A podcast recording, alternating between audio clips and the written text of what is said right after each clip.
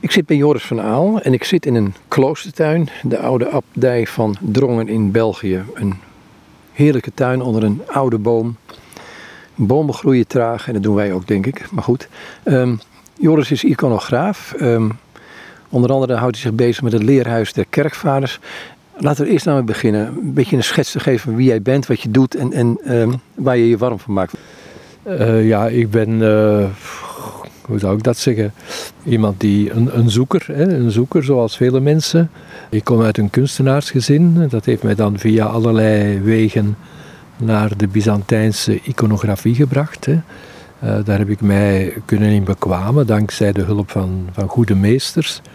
Uh, ik heb er ook mijn beroep van kunnen maken. En dat is dan, uh, daar ben ik in 1979 ben ik als zelfstandig iconograaf, dus eigenlijk vooral in opdracht allemaal iconen beginnen maken voor allerlei mensen, particuliere mensen, kerken, abdijen.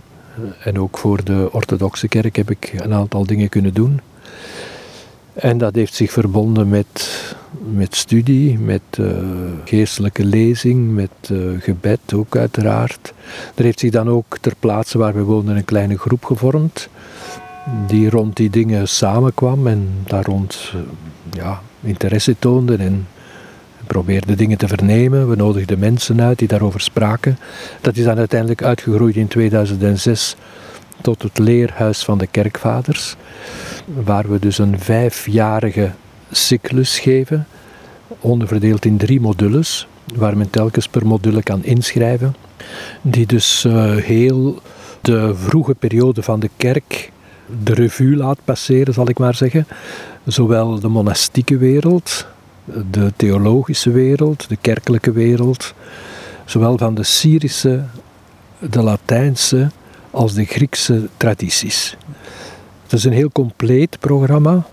Dat dus eigenlijk ja, de, heel die wereld een stukje opengooit. Hè. Die een vrij onbekende wereld voor de meeste mensen, maar een wereld met een enorme samenhang. Met een enorme interne eenheid. In hoeveel taalspellen hij ook uh, uh, wordt verdisconteerd, vertolkt toch is het een, een wereld van eenheid en van uh, verwijzingen van het een naar het ander, van de theologie naar de mystiek, van de mystiek naar de liturgie, de iconografie. Dus dat is allemaal één wereld met in het centrum de Christus, die zich in al die talen uitzaait in verschillende vormen. En die via die verschillende taalspellen de mens ook terugbrengt naar het centrum dat hij is. Ja. Ik herinner me dat ik bij je was in je atelier en er stond een rij woestijnvaders. Ja, dat, van, de, van de monnikenvaders bestaan er dus ook iconen. Hè? Dus uh, als men die bestelt, maak ik dat. Hè? ja. Dan ga je ook naar de literatuur toe. Ja, natuurlijk. Als je een icoon van een bepaalde vader of kerkvader of zo moet maken, dan weet je er best iets van. Hè? Dus dan ga je naar de teksten en ga je zijn leven, zijn geschiedenis, zijn spiritualiteit, zijn boodschappen. Dus ja, dat speelt natuurlijk een rol. Maar ja, dat geeft elkaar allemaal de hand. Hè? Dus uh, je moet met het geheel altijd bezig zijn, denk ik dan. Ja, ja dat lijkt me ook. Vraag je vooraf, wat is een icoon? Uh, een icoon is een, een uh, beeld. Hè? Dat is een letterlijke vertaling van afbeelding. Hè? Icoon in het Grieks is afbeelding. Het is een portret meestal hè, van de heiligen, van de moeder gods, van de Christus. Er zijn ook eh, feestdagiconen die dus de feestdagen in bepaalde schema's hebben proberen uitdrukking te geven. Die zijn heel oud, hè? dat dateert allemaal uit, uit de vierde, vijfde en de zesde eeuw, al die beelden. Die zijn in een traditie, gaan die altijd verder. Uh, maar hun, hun, plaats is de liturgie natuurlijk. Hè? Dus zij zijn een soort presentie van, de, van het mysterie, wat de feesten betreft dan maar ook een presentie van de Christus, de Moeder Gods en de Heiligen in de liturgie. Die participeren aan de liturgie door hun beeld. En die dus ook ontmoetbaar zijn door hun beeld. Dus eh, er is een relatie van de gelovigen die in de, in, de, in de kerk samen zijn, met de hen omgevende afbeeldingen waarin de heilige, de moeder gods en de Christus als het ware present komen, aanwezig komen. Hè? Zich voegen bij, de, bij het geheel om, om in de liturgie binnen te gaan. Heeft dat te maken ook met het feit dat een icoon toch vaak een omgekeerd perspectief heeft in onze ogen? In zekere zin wel. Dus het omgekeerde perspectief is een, een uh, laten we zeggen, een, een structuurelement dat de icoon heeft, heeft uitgevonden. Allee, dat binnen de traditie is gegroeid ook. Dat is niet altijd zo geweest. Hè. Dat is ook dingen die men gaandeweg ontdekt. Uh, men vermijdt in een iconografie de diepte omdat diepte in een afbeelding is altijd een, een illusie. Hè? Dus een afbeelding is vlak. Ze is op de muur geschilderd, die muur is vlak. Er is geen diepte, hè? er is al de muur. Hè? Dus, ja, dus als men daar dan diepte in probeert weer te geven, dan is die diepte een illusie. Hè? Dat is die men wekt. Dus dat vermijdt men in een icoon. Dus men, men vermijdt diepte zodanig dat de figuren een verhoogde presentiekracht krijgen voor de toeschouwer die zich voor de icoon bevindt. En daarom draait men het perspectief, het Euclidische perspectief, dat gewoonlijk zo op een heel klein puntje in de verte eindigt, dat draait men vaak in de architecturale elementen, in tronen, in boeken enzovoort, draait men dat om, om, zo, om te laten zien, de focus van de icoon, het brandpunt van de icoon, ligt eigenlijk voor de icoon in het hart van die er naar, die er naar kijkt, hè, van die, die, die, die de voorgestelde figuur ontmoet. Ja. Je hebt hier op Drongen een lezing gegeven. Um, en daarin begon je eigenlijk, uh, het thema mag je zo uitleggen waar het over gaat, dat mag je zelf noemen, maar daarin begon je met het beeld van een berg. En als je zegt van oké, die icoon, het, het, het, het brand van de, van, brandpunt van de icoon ligt ervoor, in het hart van de mensen die kijkt. Ja. Je gaf daar het voorbeeld van een berg. En we gaan het hebben dan over Isaac de Syriën en Silwan de Atoniet. Um, maar eerst het voorbeeld van die berg als, als introductie bij um, wat over gaan hebben. Ja, uh, dus dat is een heel oud beeld om de, om, uh, om de antropologie van de vaders voor te stellen. Hè? Dus het mensbeeld van de vaders. Hè? Dus, uh, en het, een, een beeld van, van, van, het, van het geestelijke leven van, van de mens, hè? van zijn groei naar God. Dat is een berg. Hè? Dus de mens is zelf een berg, hij is opgericht, hè. Hij, is, hij is hemelwaarts gericht. Maar uh, de berg is ook een beeld van het, van het geestelijke leven, van de weg die de mens moet gaan. Dat is een beklimming naar de top hè, van de berg. De berg is de plaats van de godsontmoeting. Daar komt alles op aan, daar moet men naartoe. Dat is ons doel, dat is onze weg. En die, die beklimming gebeurt dus hè, door, de, door heel het, het geestelijk proces van deugden, ascese, gebed, alle, alle christelijke uh, liturgie, deelnemen aan de sacramenten. Dat is allemaal beklimming, dat is allemaal beklimming, dat is allemaal opgang. Natuurlijk, men, men bereikt op een gegeven moment de top. Hè. Dus de inspanning houdt ergens op. Men kan niet vanuit de top van de berg de sprong in de hemel maken. Dat gaat niet. Hè. Dus dan moet de hemel naar beneden komen. Hè. Dus dan is het God die afdaalt. Hè en die zijn dauw op de flank, op de top van de berg laat vloeien en langs de flanken naar de, naar de voet en in de valleien zo bevruchten. Maar er is ook een andere dimensie, dus uh, uh, er is ook een dieptedimensie. Dus dat is een beklimming, dat is enerzijds, maar er is ook een dieptedimensie eh, waarin waar naar men toe moet afdalen. Hè. Dat is het hart, dat is het binnenste van de berg eigenlijk. Hè. Dat is onze hartegrot waar, dat is ook een weg en dat is, dat is eigenlijk een parallelle weg. Dus je klimt al afdalend. Hè. Dus je gaat de twee wegen eigenlijk tegelijk. Al afdalend klim je en al klimmend daal je af.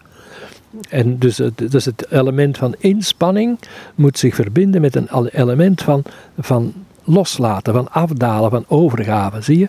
Van, van een, een eerder passief element, van, van toelaten, van overgave. Hè? Dat is de, de weg naar de diepte. Hm? En, en die twee moeten, moeten als het ware balanceren. En, en alle twee heb je ze nodig om eigenlijk de geestelijke weg naar waarheid te, te duiden. Eigenlijk. De twee wegen heb je nodig om, om de, de geestelijke weg uh, recht te doen, zou ik zeggen. Zoals hij eigenlijk echt verloopt. Hij verloopt niet alleen bergop. Hij, hij, gaat, hij gaat ook bergaf.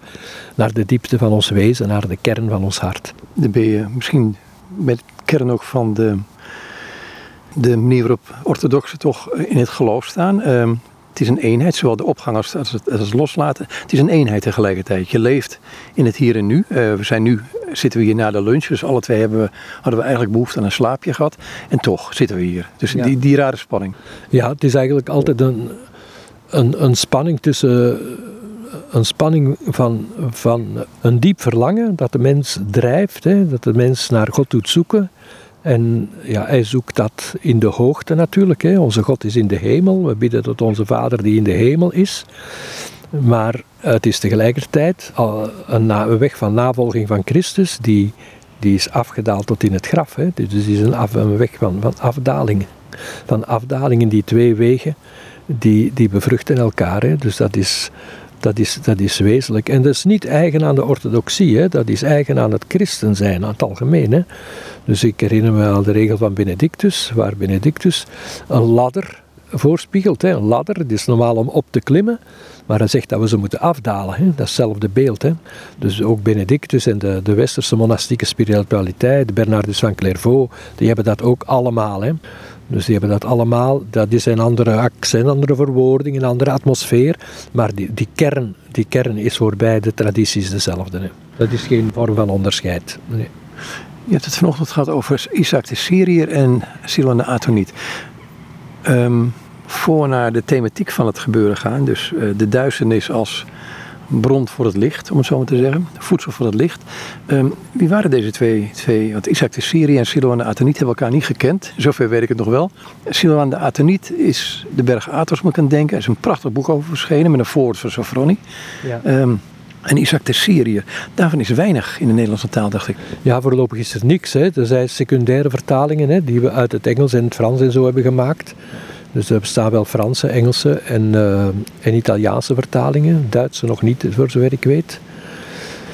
Dus het is een heilige die heel recent in de belangstelling is gekomen.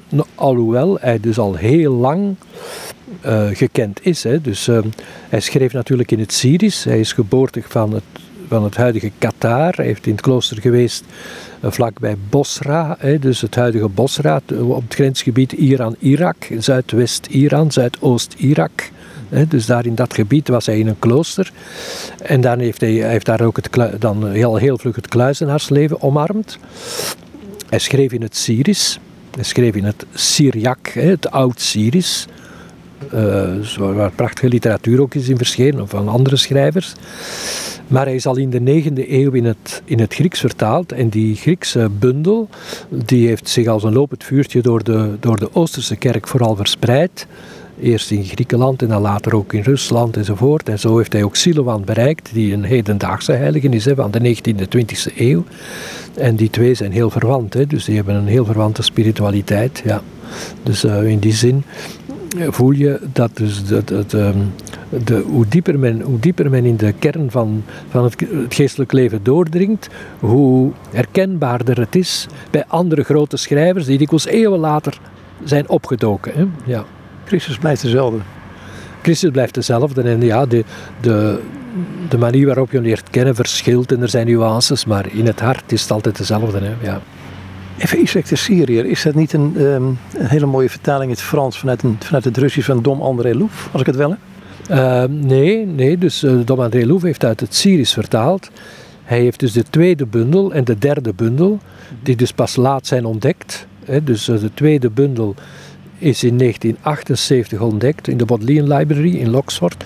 Een, een, een, manuscript dat er nog ergens zat en dat, uh, ja, dat men nog niet had uh, verkend, hè, blijkbaar. Er is dat ineens door Sebastian Brock ontdekt. Die heeft er een grootste deel van vertaald in het Engels. Dom André Louf heeft dan later uh, het, vanuit het Syrisch in het Frans vertaald. Dan is er nog een derde deel ontdekt door Sabine Occhiala van Boze. Dat heeft Dom André ook in het Frans vertaald vanuit het Syrisch. En van die twee bundels bestaan ook Italiaanse vertalingen. Ja. Dus voor de liefhebber moet je naar het Frans? Het Frans of het Engels. Dus uh, ik denk dat Sebastian Brokken nu de volledige vertaling heeft van het tweede deel. Van het eerste deel, dat dus oorspronkelijk uit het Grieks, de, Griekse tekst. Er bestaan nu twee versies van. Dus een versie die de Griekse vertaling, die een, vertaling is van de Griekse tekst. En dan een, een versie die toch ook de Syrische tekst uh, implementeert in de vertaling. Dus zodanig is een beetje completer. Ja. Maar dat is alleen in het Engels dat dat bestaat. We gaan naar die, uh, het thema was uh, vormen van duisternis. En je zei die merkwaardige term van. Um, nou, het eerste, je, noemt ook zo'n zo, zo klein zinnetje als het smaken van de tekst. Nou, daar mag je ook wat over vertellen, want het, is, het zijn hele mooie teksten. Maar duisternis als voedsel voor het licht. Uh, ik herinner me één tekst, in, ja, er zijn meer teksten waarschijnlijk erbij, maar het Nieuwe Testament, waar 2 Korinthe 4 waarin staat dat uh, licht schijnt uit de duisternis. Ja. Ik had een merkwaardige tekst gevonden. Ja, dat is ook zo. Hè? Dus zonder, zonder duisternis zien we het licht niet. Hè? Dus het licht wordt intenser, groter, genietbaarder, verrassender. We zijn er meer over verwonderd als het uit de duisternis opdoemt. Hè? Dus in die zin hebben we, hebben we de duisternis van ons menselijk bestaan in al zijn vormen. Uh, moeten we doorleven, hè? moeten we doorleven om het licht te ontdekken. Het licht valt niet rechtstreeks uit de hemel. Hè? Dus dat is een illusie. Hè? Dus het, we moeten het menselijk leven doorleven in al zijn aspecten. Dus zowel in zijn menselijke zwakheid, op lichamelijk, psychisch uh, gebied, op geestelijk gebied. We moeten zelfs ons falen, onze zondigheid en ons falen moeten we tegenkomen. Willen we ooit de plaats vinden waar God het licht doet schijnen. Hè? Dus, uh, dus uh, de duisternis is, een, is, is altijd bewoond met licht. We moeten ze alleen uh, omarmen. In zekere zin niet omdat we duister willen zijn, maar omdat we daarin de, de uitnodiging van het licht als het ware vermoeden, bevroeden, gewaar worden. En, en daarom, de, het is niet dat we de duisternis moeten opzoeken, maar ze komt wel. En dan, dan ja, moet je ze accepteren als een plaats waar het licht zal schijnen uiteindelijk. Je noemt daarin, uh, want je hebt een aantal uh, thema's naar voren gebracht. Dus duisternis, menselijke zwakheid, duisternis en de zonde. Een vijftal heb je de, had je er, dacht ik. Um, maar in het begin zijn er twee van die woorden die mij intrigeren. Eén, het heeft te maken met naderen tot God. En twee, het begrip nederigheid. Ja, de, de nederigheid, dat is eigenlijk een, ook een beetje een beladen term, hè, want dat wordt dikwijls aangevoeld als zo. Ja, de mens mag, mag niet leven. Hè. Hij moet altijd klein zijn, hij moet altijd onder de mat geveegd worden. Hij is, hij is eigenlijk slecht, hij is eigenlijk dit, hij is eigenlijk dat. Daar gaat het eigenlijk niet over. Hè. Het gaat eigenlijk over de terugkeer of het hervinden van onze natuurlijke, eenvoudige staat die arm en ontvankelijk is die open is, die in zekere zin maagdelijk is. Hè? Dus arm, ontvankelijk, open, hm? dat is onze natuurlijke menselijke staat. Die natuurlijke menselijke staat die is vertekend geraakt in onze drang om, om op een of ander gebied, op allerlei gebieden, iemand te zijn. Hè? Iemand te zijn. Hè? iemand die, die boven die eenvoudige arme mens ja, zich er als het ware boven schuift. Hè? Dus eh, dat, dat is, daar kan God geen weg mee. God kan, ziet die een eenvoudige, arme, menselijke persoon, zwakke persoon, ja, die ziet hij graag. Hè? Die, die, die, die, heeft hij lief. Die heeft hij lief vanaf het begin. Hm? En dus de nederigheid is de plaats waar we die terugvinden.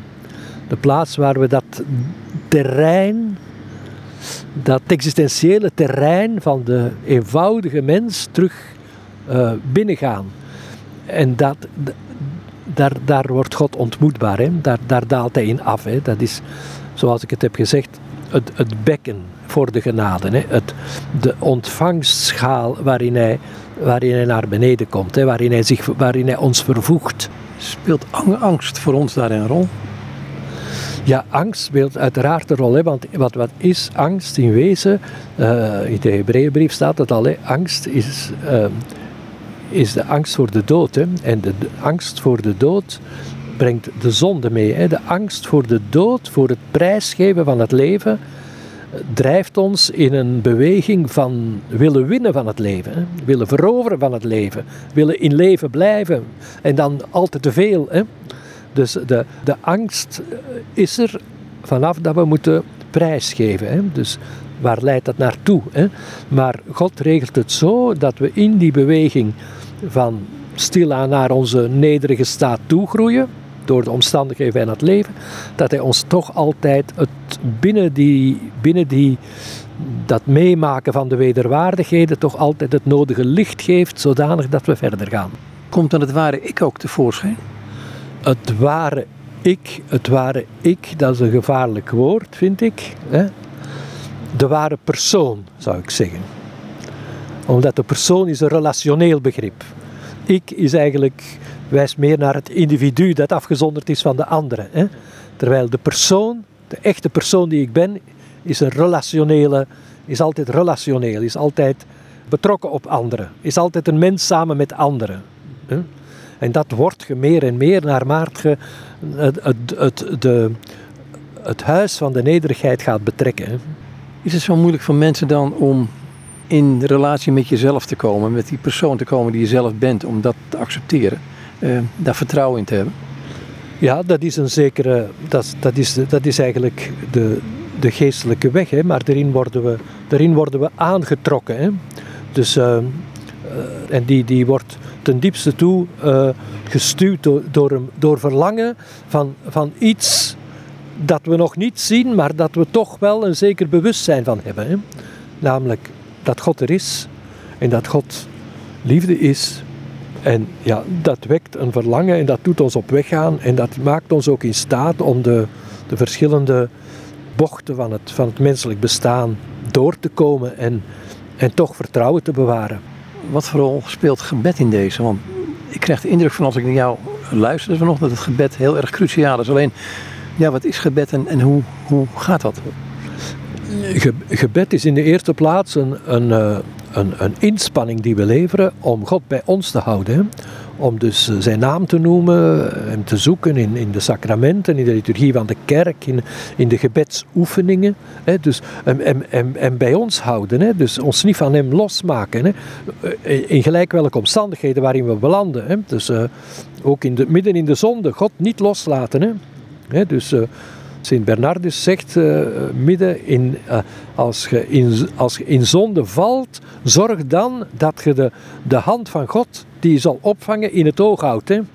Dus laat, laat God ook niet los midden in de zonde, bij wijze van spreken. Dus dat, dat is het gebed en dat is natuurlijk een inspanning, dat is een opgave, dat is een opdracht van elke christen. Hè? Maar vanaf, je, vanaf het moment dat je dus het, het, het, het huis van de nederigheid binnengeleid wordt, bij wijze van spreken, dan, dan wordt het gebed een, een, iets dat er is. Hè. Ja, iets dat er van altijd is. Hè. Dus dan is er synusia, hè. Sa dan is er samen zijn met God, hè. Uh, door alles heen. Hè. Dan hoef je dat niet meer te. Dan valt die inspanning ook een stukje weg om dat, om dat te veroveren, bij wijze van spreken. Hè. En is het gebed dan een, iets wat je doet als je op het, op het top van je kunnen bent, als je je geestelijk goed voelt? Of zijn het juist die zwakte momenten die het veel meer aanwakkeren? Door alles heen. Hè. Gebed is door alles heen. Hè. Dus uh, er is een tekst van, van, uh, van Isaac die zegt: uh, bid, bid op alle momenten. Hè. Als het donker is, als het licht is, eh, als je valt, als je in, als je in boosheid vervalt, als je, als je troost ondervindt, op alle, op alle momenten moet je bidden. Want bidden, ophouden met bidden, is je overleveren aan degene die je afslacht. Zo zegt hij het. Hè?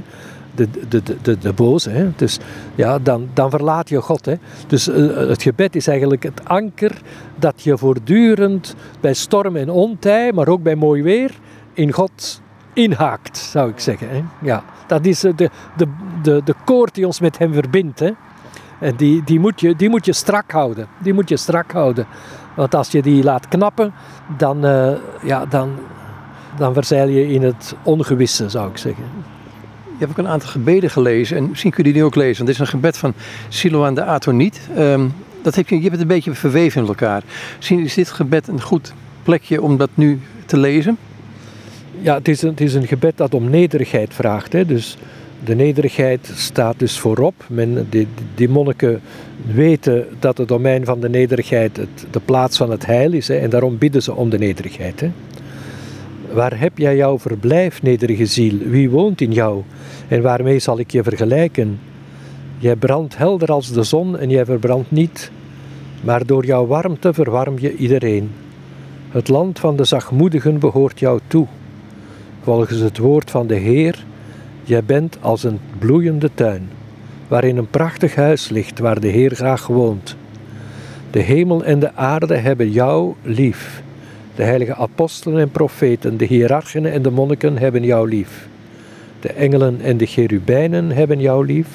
De alreine moeder Gods heeft jou in je nederigheid lief. De Heer heeft jou lief En over jou, nederige, verheugt hij zich.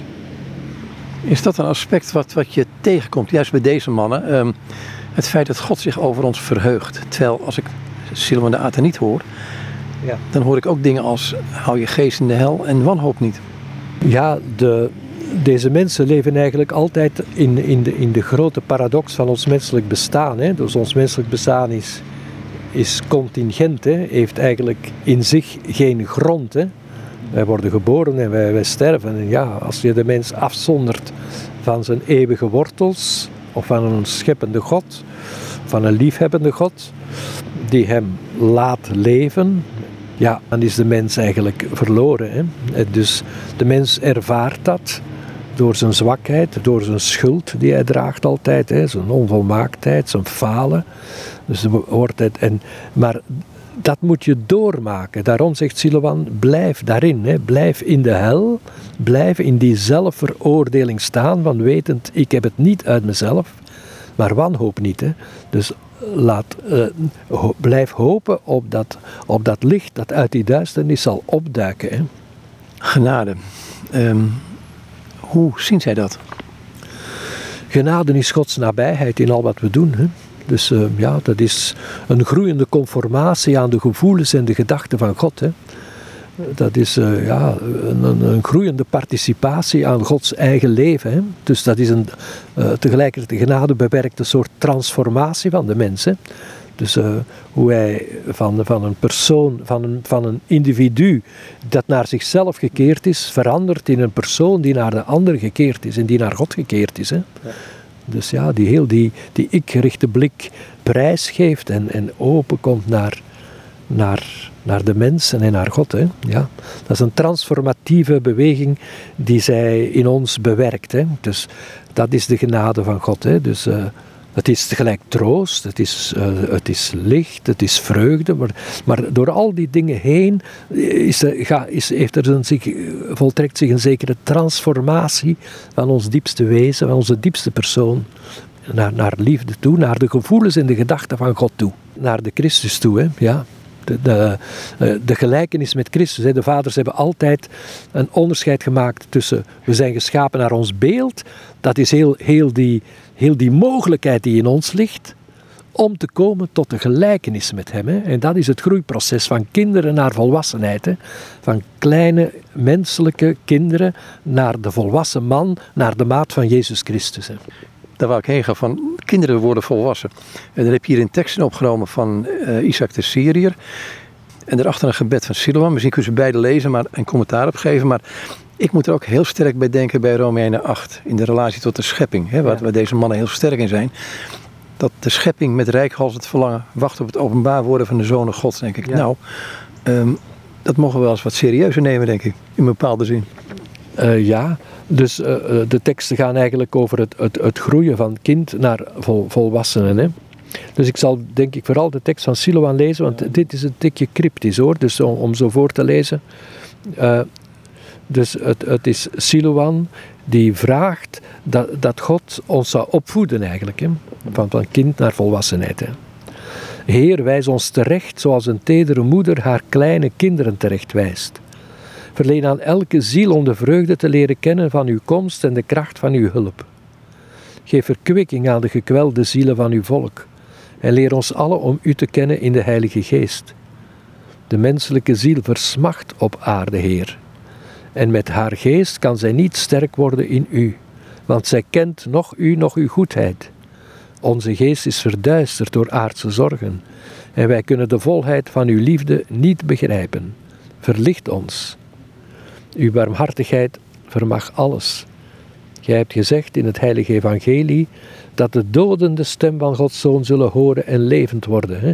Dus uh, de, de doden, daarmee, daarmee bedoelt hij de, de, de mens die op zich aan de dood is gewijd, hè, die dus in zich geen enkel geen enkele kiem, geen enkele kracht draagt om, om, om op te groeien. Hè. Dus uh, uiteindelijk is het de stem van God die ons ten leven wekt. Hè. Dat de doden de stem van Gods Zoon zullen horen en levend worden. Maak dan nu dat onze dode zielen uw stem zullen horen en in vreugde zullen herleven. Heer, zeg aan de wereld, al uw zonden zijn u vergeven en ze zullen zijn vergeven. Heilig ons, Heer, en alle zullen worden geheiligd door uw Heilige Geest, en al uw volkeren zullen u op aarde loven. En uw wil zal geschieden op aarde zoals in de hemel. Want voor u is alles mogelijk. Dat is eigenlijk een vertolking van enerzijds de, de zelfveroordeling, waar, waar we, we, we, we, kunnen geen kant op uit onszelf. En anderzijds de hoop die er toch is. Hè, en die ons zo'n dingen doet zeggen. Hè. Zeg aan de wereld, alle zonden zijn u vergeven. Hè. De doden van zullen Gods stem horen en ze zullen levend worden. Hè. Dus die hoop die midden in die menselijke tragiek, in die menselijke wederwaardigheden, het op en neer van ons bestaan met pijn en alles erbij, die hoop die toch blijft leven, dat we zullen landen bij God. Hè. Is dat de troost en de hoop? Dat is de troost en de hoop, hè. ja. ja. Een andere fase, en die verbaast me wel, is de duisternis, de zonde die je opgenomen hebt. Um, dat gaat me even om de tekst van hunzelf. Als de duisternis voedsel voor het licht is, hoe kan de zonde dat zijn? Ja. Of ga ik nu de verkeerde kant op? Ja, uh, de zonde is, is dat in de mate dat we niet toelaten dat ze ons van God scheidt. Dus de zonde komen we sowieso tegen. Hè? De zonde komen we sowieso tegen. Er, er is niks aan te doen. Het komt erop aan om ze zo te beleven dat God zijn plaats in ons leven niet verliest. Om, om de plaats van de nederigheid te vinden, is het noodzakelijk dat we de zonde tegenkomen. En we komen ze sowieso tegen, hè? dus uh, we moeten ze niet gaan zoeken voordat we beseffen, is ze daar. Hè? En dan komt het erop aan ze te zien, ze te zeggen dat de onze is, uh, eraan lijden eventueel, en zeker erom treuren, maar ze nooit loshaken van Gods barmhartigheid. En in die zin is de, is de donkerte van de zonde uh, de voorwaarde in zekere zin om het licht van de vergeving, dat zo wezenlijk is voor God. Hè? Dus om dat te leren kennen, als we nooit zouden zondigen, als we hyperrechtvaardig zouden zijn, dan leren we God niet kennen. Dan zijn we zelf God. Dan leren we God niet kennen. Uh, we leren God kennen vanuit onze menselijke realiteit. En die is wat ze is, die is ook zondig. En dat hebben we nodig om God te leren kennen. Daardoorheen leert hij, leert hij zichzelf kennen aan ons. Ik wil nu wat vragen over rouwmoedigheid en tranen. Maar allereerst misschien dit gebed lezen van uh, Siloan weer. Waar zijt gij hier? Want het, het, het, blijven, die teksten, zoals je zei in, in de lezing, ze smaken naar meer. En, ja. en ze smaken goed. Waar zijt gij, mijn Heer? Gij hebt u verborgen voor mijn ziel en onder tranen zoek ik u. Heer, geef mij de kracht om nederig te worden voor uw majesteit. Heer, aan u komt de eer toe in de hemel en op aarde, maar schenk aan mij, uw nietige schepsel, uw nederige geest.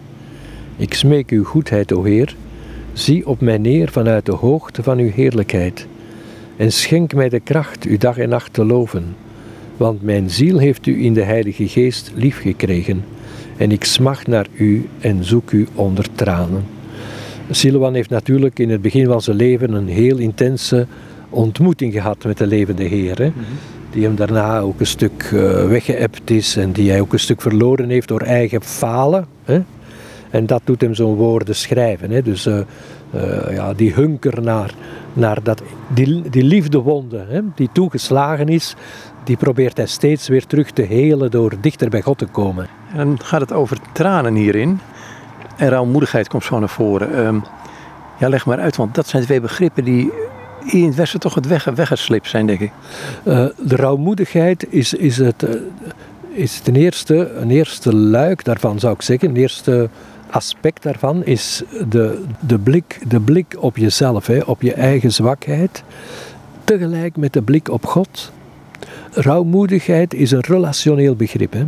Dus het heeft te maken met, zoals Silwana trouwens heel duidelijk zegt, hè, met het verdriet omdat je God hebt gekwetst. Niet zozeer omdat je de rechtvaardigheid hebt verloren door te zondigen. Dat is een soort verkeerd berouw, zou je bijna kunnen zeggen. Hè? De rechtvaardigheid hebt verloren, de rechtvaardigheid die je denkt nodig te hebben om vriend van God te zijn. Dat is niet helemaal zo. Dus God bemint je ook als je zwak bent, ook als je zondig bent. Dus tegelijkertijd de eigen zwakheid zien en God zien en voelde hoe die relatie leidt onder je zwakheid. Hè? Hoe je God eigenlijk verdriet doet hè? Door, door te zondigen. En die treurnis, daarom, die wekt de tranen, maar in, in datzelfde begrip van rouwmoedigheid zit al bijna onmiddellijk de ontferming die God geeft aan de rouwmoedige. Denk maar aan de verloren zoon, hè, bijvoorbeeld. Hè. Denk maar aan de, aan de goede moordenaar. Hè. Dus, uh, ja, uh, dus vanaf dat die, die treurnis om de verbroken relatie opwelt en zich in tranen uit, ja, is God daar om je te troosten en je te omarmen eigenlijk. Hè. En die, die mengeling van, die, van tegelijkertijd dat schuldbewustzijn, die, die blik op de eigen zwakte en die uh, onverdiende, onverdiende tegemoetkoming van God, dat, dat maakt, uh, misschien kun je het best zo verwoorden, dat maakt het hart week.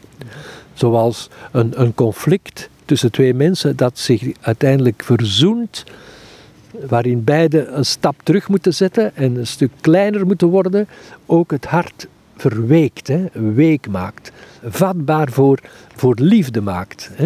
Ja. Dan ga ik naar een, stuk over Adam, dat mag je vertellen van Sidoaan. Ik blijf het heel wonderlijk vinden hoe je je daarin kunt inleven. Ehm, zeker als, als monnik op de Athos. Misschien niet zeker als monnik op de Athos, maar goed, dat verbeeld ik me zo. Ja, hij, eh, dat is een prachtig gebed. Hè. Dat is eigenlijk zijn eigen klacht, omdat hij God gekwetst heeft. Maar die, die laat hij uitspreken door Adam. Maar Adam, ja, dat, dat is hij ook. Hè. Maar Adam is ook de mens die, die God heeft gekwetst door de, de, het gebod niet te volgen. Hè. Dus ja, in het begin van de tijd. Maar is tegelijkertijd ook de universele Adam. Hè. Het is de hele mensheid. Dus er is een soort vervloeiing in die teksten tussen de persoon van Siloan, de Adam aan het begin van de tijd, en de universele Adam die alle mensen in zich draagt. Hè. En die eigenlijk ja, dezelfde pijn ervaren, namelijk ik heb God gekwetst. Hè. Ik laat God alleen. Hè. Ik, ik ga mijn eigen gang. Hè. Ja, die, die, die, uh, die waarheid die neemt hij in zijn mond en hij legt die in, in, de, in de mond van Adam. Hè, zodanig dat Adam spreekt de klacht uit, maar het is eigenlijk de klacht van hem en van heel de mensheid. Hè. Gebruikt u dit prachtige woordje, heimwee naar God? Heimwee naar God, nostalgie. Hè. Dus, dus uh, omdat hij God gekend heeft, Adam in het aardsparadijs, maar Siloan is zijn eerste grote mystieke ervaringen, hè, is er een liefdewonde geslagen. En dat wekt natuurlijk hij vervalt dan in een ander leven, het leven van onze menselijke existentie met zijn zwakheden. Maar omwille van dat ene moment, dat drijft, dat sleept hem mee in zijn verlangen om die werkelijkheid terug te kunnen beleven. Hè? Om terug in, dit, in dat paradijs te kunnen zijn, in, die saam, in, die samen zijn, in dat samen zijn met God. Hè? Ja. Zit ook, ook soms dat, dat, ik noem het maar dat onnozel in van, ik heb een godservaring gehad en nu kan ik niet meer zondigen. Ik heb de genade ervaren en dan faal je weer een keer en denk je, ja. Dus dat is de dingen die hij specifiek aanhaalt. Hè? Dus dat je de rouw moet, altijd moet bewaren. Hè? Ook in de hoogste mystieke ervaringen, waarin je God heerlijkheid ziet, moet je eigenlijk bewust, bewust blijven van je eigen zwakheid. Hè? Dus je mag nooit, ja, mag nooit uh, uitgaan van ik heb het nu. Hè? Het is, uh, ik heb het bereikt. Hè? Nee, dat is nonsens. Hè? Ja. Heerlijk dat je het niet bereikt hebt. Dat is toch prachtig. Ja, het ligt altijd voor ons. Hè. Dus uh, het goddelijke mysterie is onuitputtelijk. Zelfs de diepste mysticus uh, ervaart er een fractie van. Hè. Dus uh, het ligt altijd verder dan wij kunnen bevroeden en dat wij kunnen meemaken. Hè. Ja. Het gebed van Siloaan, hij legt het in de mond van Adam, maar goed, het is zijn gebed. Um, misschien wil je dat ook lezen, want ik, ik beleef het toch, ja, ik zeg het voor de zoveelste keer, het zijn hele mooie teksten. Mijn ziel verlangt naar de Heer en onder tranen zoek ik hem. Hoe zou ik hem niet zoeken? Toen ik met hem was, was mijn ziel blij en rustig, en de vijand had geen toegang tot mij. Maar nu heeft een boze geest macht over mij gekregen en brengt mijn ziel aan het wankelen en kwelt haar. En daarom verlangt mijn ziel tot stervens toe naar de Heer, en mijn geest hunkert naar mijn God. En niets op aarde kan mij blij stemmen, en mijn ziel kan door niets worden getroost, want zij wil hem opnieuw zien en door Hem verzadigd worden. Ik kan Hem geen ogenblik vergeten en mijn ziel smacht naar Hem. En vanwege mijn grote droefheid ween ik kreunend. Ontferm u over mij, o God, over uw gevallen schepsel. dan is de pijn van het verlangen. En dan wordt er even verderop gezegd, ik dacht door Isaac de Syriër, het gaat met God om dat verlangen. En dat lijkt een tegenstelling. Ja, er zijn enkele teksten in de bundel opgenomen die we niet hebben kunnen lezen, uiteraard, maar die laten zien uh, het, het verlangen, het authentieke verlangen naar God is voor God heel belangrijk. Hè? Omdat ook al ben je een, een machteloos iemand die dikwijls meer verkeerd doet dan goed, als het verlangen oprecht is en ja, een, een bepaalde intensie, oprechte intensiteit heeft, als het op dorst gaat gelijken, hè, zoals de psalm het zegt, hè, dorst, hè, dorst naar God, hè, als het daarop gaat gelijken, dan vertedert dat God. Hè, en dan worden de werken, of we die nu doen of minder goed doen of half doen, daar let hij minder op, zal Isaac zeggen. Hè. En zelfs als het verlangen maar ten dele is, maar zelfs er maar een stukje van is, toch is het voor God heel belangrijk. Ja, dus uh, het, het, verlangen is heel belangrijk, omdat dat ligt dichter bij onze, bij, bij onze echte persoon. Hè. Onze daden die worden door van alles, ja, door van alles uh, beïnvloed, uh, gestuurd, maar dat, dat komt hij tegemoet. Hè.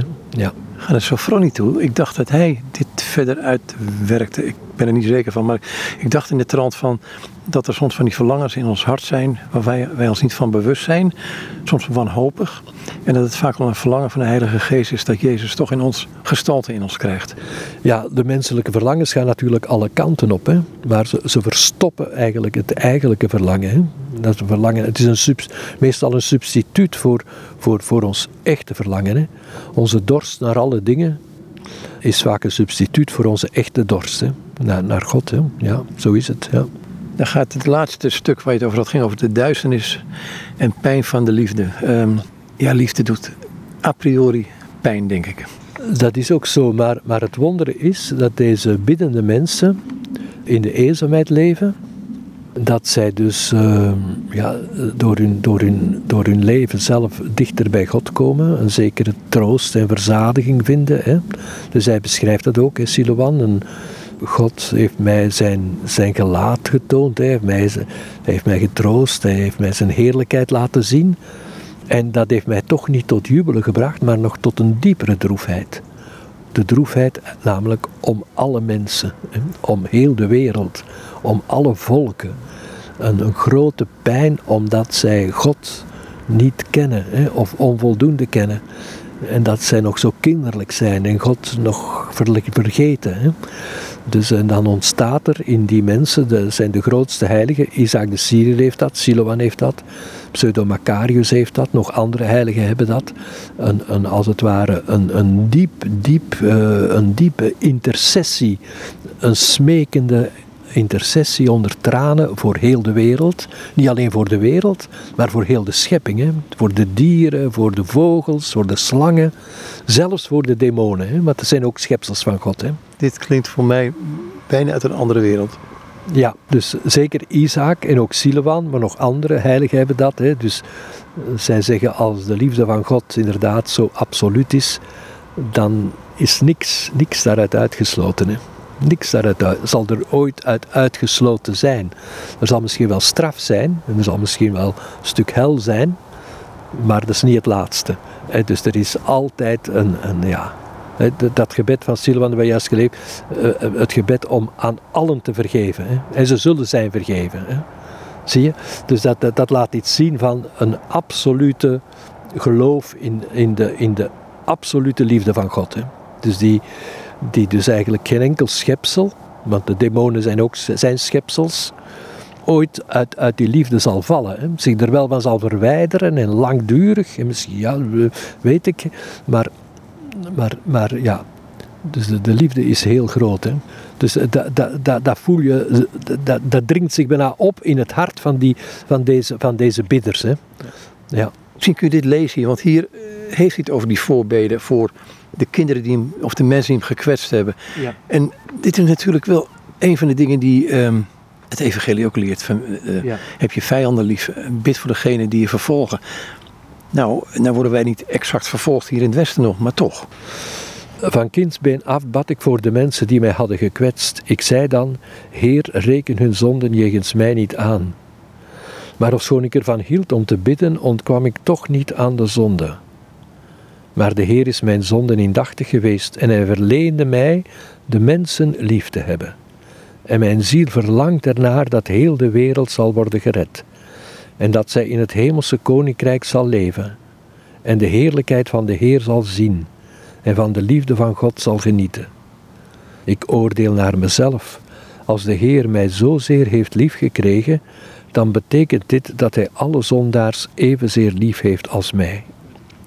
O liefde van de Heer, de kracht ontbreekt mij om haar te beschrijven, want zij is onmetelijk groot en wonderbaar.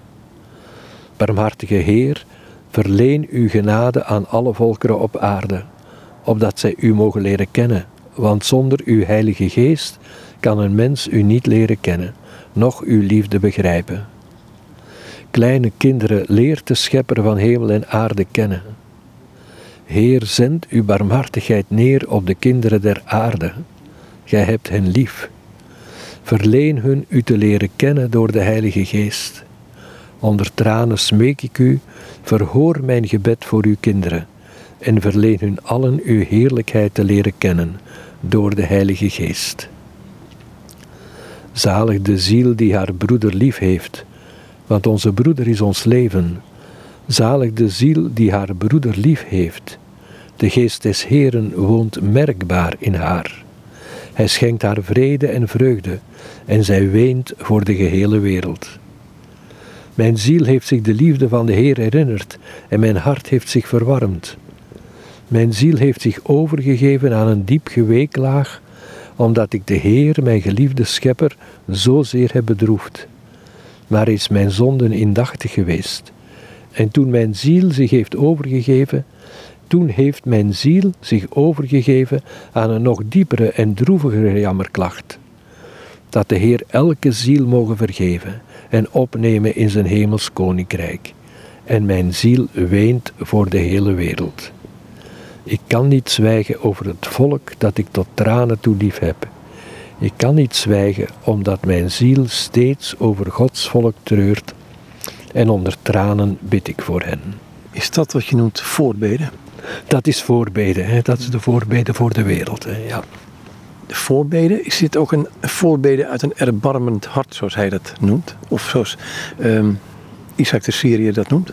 Ja, dus dat is parallel met Isaac. Isaac heeft gelijkaardige teksten. Hè? Dus een, een barmhartig hart, wat is dat? Dat is een hart dat bidt voor heel de wereld. Hè? Voor alle schepselen.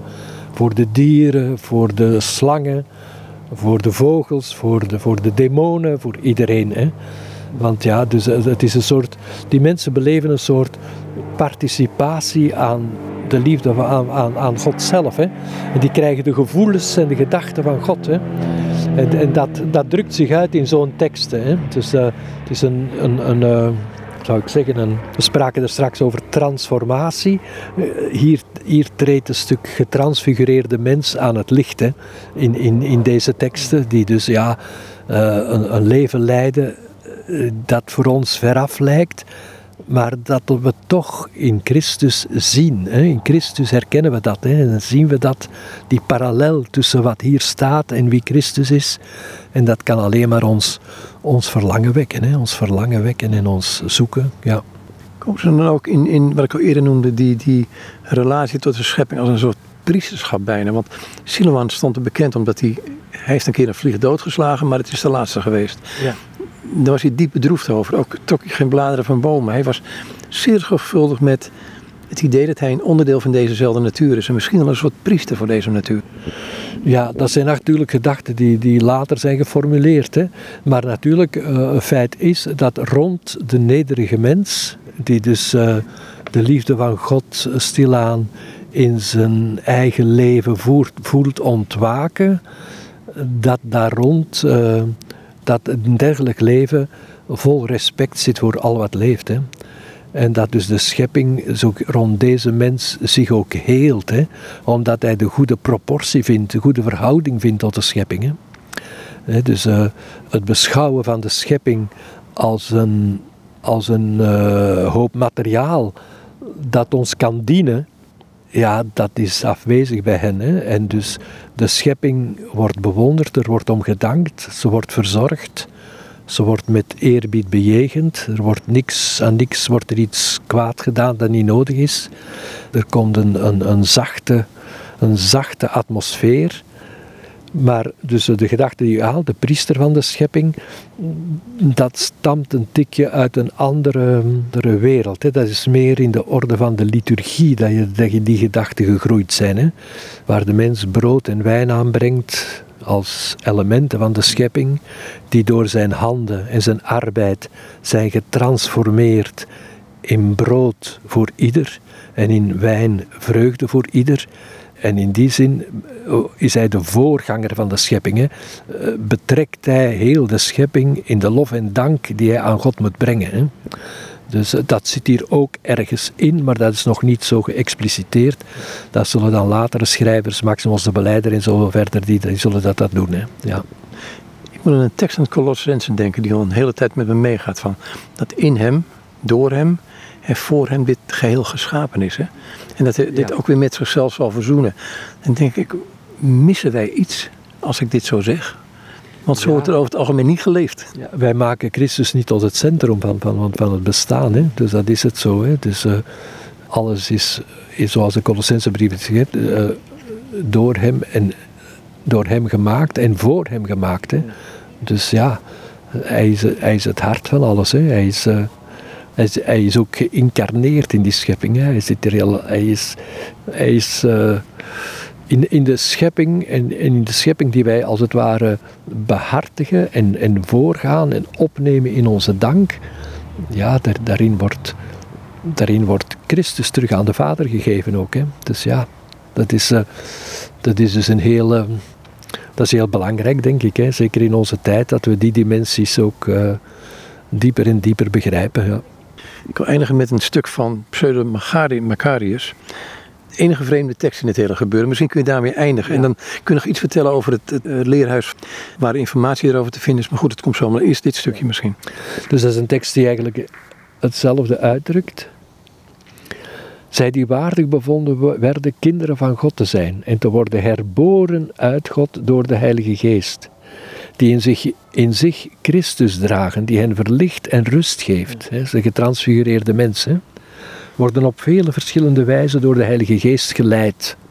En ze ondergaan op onzichtbare wijze in hun hart de activiteit van de genade. Dus de, de genade is hun, hun sturende dimensie geworden. Soms genieten zij onuitsprekelijke dingen, zijn ze dicht bij God. Een andere keer zuchten en klagen ze over het menselijk geslacht en bidden zij voor de gehele Adam. Het is heel herkenbaar hè? wat Siloan zegt en wat Isaac zeggen. Ze worden dan aangegrepen door ontroering en tranen en ze branden van de liefde van de geest voor de mensheid. Op een ander ogenblik omhelst de geest hen met zo'n blijdschap en met zo'n liefde, dat zij, indien dit maar mogelijk was, alle mensen zouden willen opsluiten in hun hart, zonder onderscheid tussen goede en kwade. Nog een andere keer stellen zij zich zozeer onder alle mensen, in de nederigheid van de Heilige Geest, dat ze zich voor de laatste houden en voor niets betekenend. een mooie afsluiting van dit gesprek. Ik wil je hartelijk danken. Ehm, nog één vraag. Ehm, als we meer informatie willen weten over het leerhuis van de kerkvaders, heet het meen ik, ehm, waar kunnen ze die vinden? Uh, we hebben een website, kerkvaders.be. Daar vind je al het nodige. Dus het programma van onze cyclus, teksten uit onze vorige colloquia, eventuele nieuwe dingen die op touw staan. Dus daar vind je alle nodige informatie. Het is dus eh, de moeite om u eraan te wagen, in die zin dat het dus een, een waaier opentrekt van de schatkamer van ons christelijke traditie, die voor de meesten ontoegankelijk en, en gesloten blijft, omdat er in Nederland zo weinig beschikbaar is. Maar wij waaieren, wij geven er een hele waaier van die rijkdom, delen wij dus mee aan de mensen die bij ons de cursus aansluiten. Ja. Goed, nogmaals, dankjewel. Graag gedaan. En dit zei Joris van Aal. En met hem was ik in gesprek over vormen van duisternis bij de heilige Siloan de Atoniet en bij de heilige Isaac de Syriërs. En dat deed ik in een prachtige kloostertuin van de oude abdij van Drongen.